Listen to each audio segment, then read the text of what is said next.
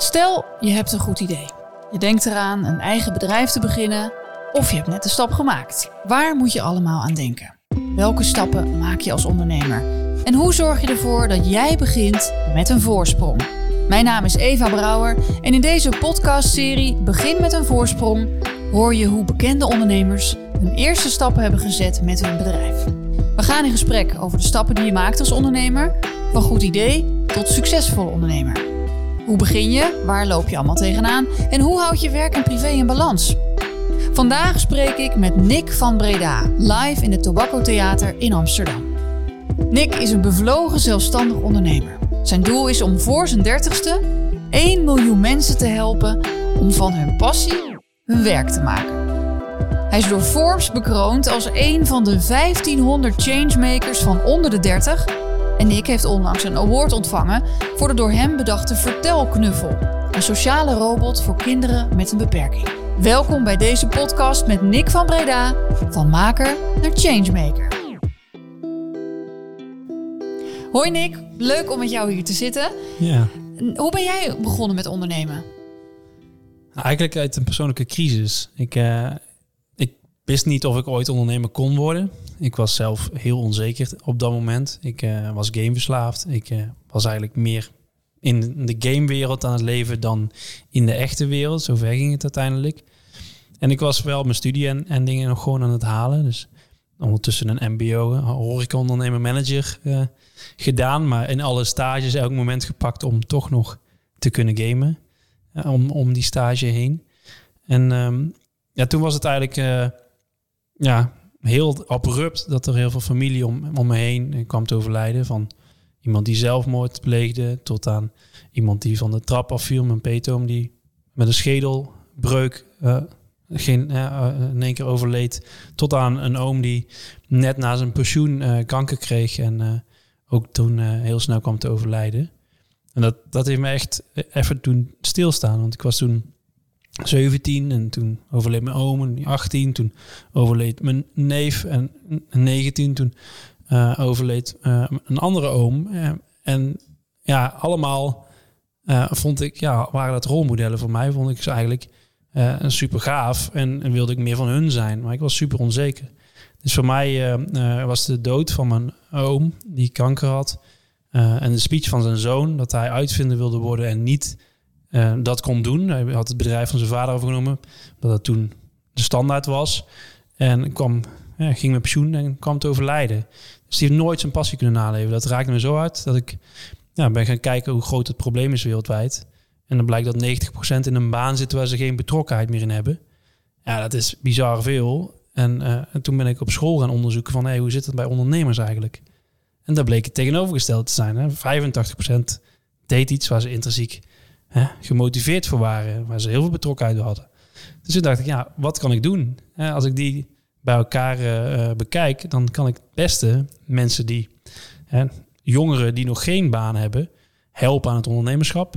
Of mensen die wel al een baan hebben, helpen om een omslag te maken naar het ondernemerschap als ze vast komen te zitten. En dat werd meteen jouw ticket naar je eigen ondernemerschap? Want je dacht, nou, daar heb ik de meeste kans om uh, gelukkig te worden. Het is zo'n groot probleem, dus ja. Ja, maar uh, bij heel veel mensen is het ondernemerschap van... ik wil graag geld verdienen, hoe kan ik dat het snelste doen? Bij jou zat het doel niet echt op het, op het geld, maar op het geluk bij mensen creëren. Maar hoe kon jij dan wel geld verdienen met jouw plan? Nou, ik wist uiteindelijk dat ik depressief was, aan het worden was van het gamen doordat ik wel mezelf aan het verbeteren was in die game, maar niet de, buitenwereld. En dat maakt je uiteindelijk leeg. En oh, hè, met weinig zelfvertrouwen kan je nog wel geskilled zijn wat je wil. Maar als niemand anders daar gebruik van maakt, uh, dan voel je jezelf heel leeg. Dus doordat mijn oom eigenlijk heel erg veel voor de buitenwereld deed, alleen niet plezier had in zijn werk, uh, wist ik eigenlijk welke twee recepten nodig waren. Je moet en iets leuks doen en waardevol zijn voor een ander. Want dan kan je een fijn uh, leven hebben. En die twee recepten ben ik gaan kijken of ik daar uh, zelf uh, plannen en methodieken en, en evenementen voor kon organiseren om die twee bij elkaar te brengen voor anderen. En dat begon bij leeftijdsgenoten, bij jongeren. En dat groeide eigenlijk al snel uit tot uh, TEDx-talks geven en bespreken in binnen- en buitenland. En je bent nu ook betrokken bij een hogeschool, bij Avans, waar je drieënhalve dag in de week les geeft aan jongeren. Wat leer je hen? Ja, ik mag nog geen les geven, omdat ik geen uh, master heb gedaan en uh, didactische uh, Laten we het even inwijden in het ondernemerschap het is, en de technologie. Ja, het coachen van studenten en docenten in ja, het maximale uit een carrière halen. En het liefste die studenten dus vroeg genoeg triggeren om het ondernemerschap te gaan proeven. En dat doen we in een, maker, een makerspace, een maaklab. En daar hebben we de genoeg middelen om snel technologisch een product te, te visualiseren. En dan een, een business case erbij te bedenken, een bedrijfsmodel erbij te vinden en een groot genoeg probleem te raken daarmee. Ja, um, het, misschien wel het, mooie van de tijd als uh, gamer. Hè, we hebben gehoord dat er een donkere kant uh, aan was, maar je hebt juist ook heel veel affiniteit met technologie, uh, met de nieuwste technologieën die er zijn, hè, en je helemaal onderdompelen in een, in een virtuele wereld. Ja. Wat zijn voorbeelden van technologieën die je nu leert aan anderen? Uh, op dit moment leer ik hoe je VR inzet voor je bedrijfsdoeleinden. Of dat nou voor marketingdoeleinden is of voor uh, beter, efficiënter samenwerken dus is. virtual reality. Ja, ja en uh, ja, AR gebruik ik meer voor marketingcommunicatie. Eigenlijk hoe ga je je product zo snel mogelijk bij de klant visueel maken. Ja, dat is wel leuk. We hadden vragen van ondernemers en die vroegen dan van ja, uh, hoe kan ik nou mijn webshop aantrekkelijker maken? Nou, daar heb je eigenlijk een heel simpel technisch middel voor. Ja, als je al je producten gaat digitaliseren in 3D, dus je scant ze en, en je zet ze daarna in de webshop of in bij ons in de VR-werelden, in de, VR-kantoren die we hebben gemaakt, uh, etaleer je ze, dan uh, kunnen mensen helemaal zien hoe dat in hun huiskamer eruit zou zien, bijvoorbeeld. Dus je kan dan vanuit het 3D-model kan je met ja, iedere camera kan het tegenwoordig op telefoon, kan je hem als augmented reality model plaatsen ja, dus stel je, je bloemen of zo, dan kan je over vazen, dan kan je die zo heel mooi laten ronddraaien in je webshop. Ja, je kan er letterlijk omheen lopen alsof je in je woonkamer al staat. Ja, te gek. Dus dat is eigenlijk een voorbeeldje van hè, hoe kan je dan met technologie dat dichterbij brengen. Mm -hmm. Maar je werkt veel met jongeren, je coacht ze, ook wel met docenten. Mm -hmm. Je komt eigenlijk uit een periode die best wel heel onzeker was. Hoe leer je anderen om die onzekerheid te overwinnen? Ja, voor mij was het echt uh, heel ver uit mijn comfortzone stappen. Ik had podiumvrees en ik uh, had meegedaan aan, een wedstrijd om een uh, onderzoekspaper te schrijven naar co-creatie en crowdsourcing. Twee thema's waar ik toen wat schoolprojecten over had gedaan. En meer de trends had onderzocht rondom die thema's. En ik won een prijs om een lezing te geven over dat thema, maar ik had nog geen onderzoek geschreven. en ik had nog nooit onderzoek geschreven. Dus, maar ik had wel een podium gewonnen in Portugal om een lezing te geven aan allemaal hoogleraren en marketingmanagers van bedrijven over dat thema. Ja, dat was echt een race tegen de klok. Ik had en podiumvrees en ik moest in Engels een lezing geven. Ik had nog geen onderzoek geschreven, nog nooit. Ik was eerstejaars HBO. Dus ik ging hulp vragen. En hulp vragen bij docenten Engels en onderzoekers in onze opleiding die, die kaders konden schetsen voor mij, zodat ik die invullen, een soort van invuloefening kon, ervan kon maken. En, en dat hulpvragen heeft me heel erg ver gebracht. En nu op het moment dat ik een hulpvraag heb en ik deel het in bijvoorbeeld op mijn LinkedIn, dan heb ik waarschijnlijk in de vijf minuten al een antwoord, een oplossing. Door je netwerk. Ja. En dat is wel mooi, want heel veel dingen die je doet en, en waarin je ook dan uh, andere coacht, gaat over samenwerken. Een voorbeeld daarvan is bijvoorbeeld een hackathon. Iets wat uit de IT-wereld komt. Wat is dat precies en hoe, hoe kun je dat, de, de gedachte van een hackathon zelf toepassen? Nou, ik vind het mooi bij een hackathon heb je een complex vraag die je nooit in je eentje kan oplossen. Dat gebeurt zelden. Dus eigenlijk, die vragen zijn zo moeilijk dat ze niet te outsourcen zijn voor een organisatie. Ja, er ligt al tien jaar een probleem, over honderd jaar ligt hetzelfde probleem er al. En er komt maar geen antwoord op. Uh, die leg je neer bij vaak jongeren die of aan het afstuderen zijn of afgestudeerd zijn en nog aan het zoeken zijn waar ze heen willen. Uh, die schrijven zich in om daar vrijblijvend aan deel te nemen om hun dag aan kennis en kunde in te zetten om dat probleem op te lossen. Maar ze zitten vaak in teams van mensen die ze niet kennen. Dus ze hebben 24 uur de tijd. Dus echt een wekker zetten we erop. 24 uur tijd om met een antwoord te komen. En dat gaat nooit helemaal opgelost worden in die 24 uur. Maar dan komen, ieder team komt met een product of een antwoord op de vraag. En aan mij de taak om dat goed te begeleiden, om genoeg masterclasses te geven in dat proces, om een goede teamcombinatie te maken met verschillende type gamers, zeg ik altijd. De hipster, de hacker, de hustler en de helper. Dat zijn typetjes. Eh, en die typetjes kunnen eh, niet met elkaar een biertje drinken in de kroeg. Die zijn tegenstrijdig met elkaar. Maar in een project zullen ze altijd van elkaars talent gebruik moeten maken. Nou, ben je dus heel erg voorstander van samenwerken, van netwerken. In deze periode is dat soms ook best wel lastig. Hoewel jij dan natuurlijk altijd de virtuele wereld uh, tot je beschikking hebt. Um, jij hebt ook bijvoorbeeld tips waar je elkaar een meet-up kan hebben online bijvoorbeeld. Of waar je elkaar toch kan ontmoeten. Wat, wat is dat bijvoorbeeld? Ja, Meetup.com is eigenlijk een, een, een, een matchingsplatform geworden voor uh, kleine thematische evenementjes. Dus uh, of je nou over de blockchain of over chatbots of over virtual reality wil hebben. Je zoekt daarin in uh, de meetup.com website naar meetups rondom VR bijvoorbeeld. En je hebt gelijk honderden meetups die er worden georganiseerd. En dan zijn jij en ik maken gewoon een meetup aan. Eh, al hebben wij geen enkel verstand van VR. Wij gaan een groep bij elkaar krijgen die misschien tien keer zo slim is dan ons in VR. En dan gaan we gewoon informeel mee in gesprek, of dat nou digitaal of fysiek is.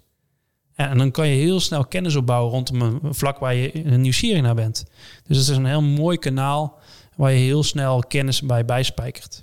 Nou heb je door schade en schande al jong geleerd dat je ook hulp moet inroepen. En dat uh, mm -hmm. doe jij ook. En dat zeg je ook tegen anderen. Maar waar ben jij zelf de mist in gegaan in je ondernemerschap? Nou ja, ik ben verslavingsgevoelig. En dat, uh, dat zag je in het gamen, maar dat is ook bij het gokken.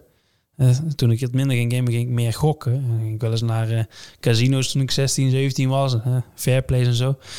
En voor je het weet, raak je helemaal verzeild in, in de flow in het gokken.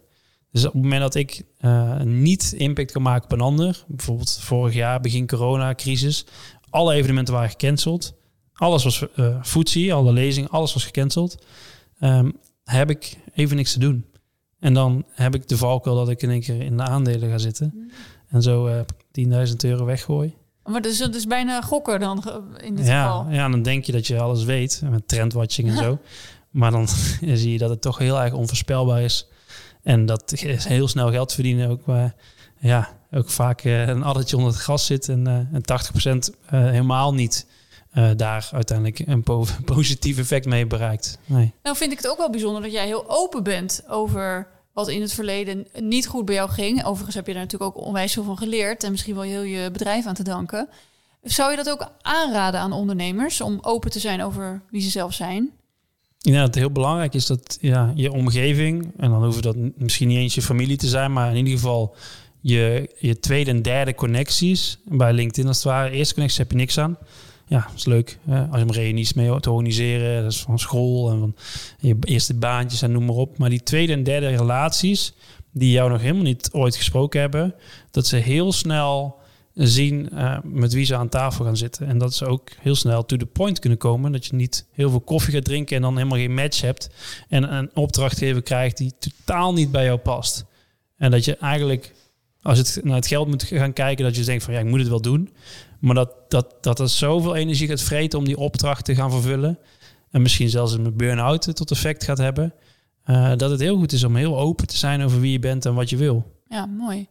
Um, als je, hey, je bent natuurlijk iemand met verstand van technologie. Wat is nou een trend die we in de gaten moeten houden? Je hebt heel veel dingen. Je hebt uh, aan de ene kant een stuk automatiseringstechnologieën, uh, chatbots, uh, artificial intelligence, algoritmes die jouw werk automatiseren. Je hebt het type organisatievorm DAO's, heten ze, decentrale autonome organisaties. Dat eigenlijk wat als alles door een algoritme kan gedaan worden. Zelfs de belastingopgave, de inkoop, het inhuren van mensen. En dat je helemaal niet meer als persoon uh, een bedrijf runt, maar dat een robot een bedrijf runt. Mm. Daar zie je heel veel trends in ons uh, eigenlijk ontstaan. Dat gaat een beetje mee met de zelfrijdende auto's. Hè. Wanneer hoeven wij het stuur niet meer vast te houden, dan zijn we er.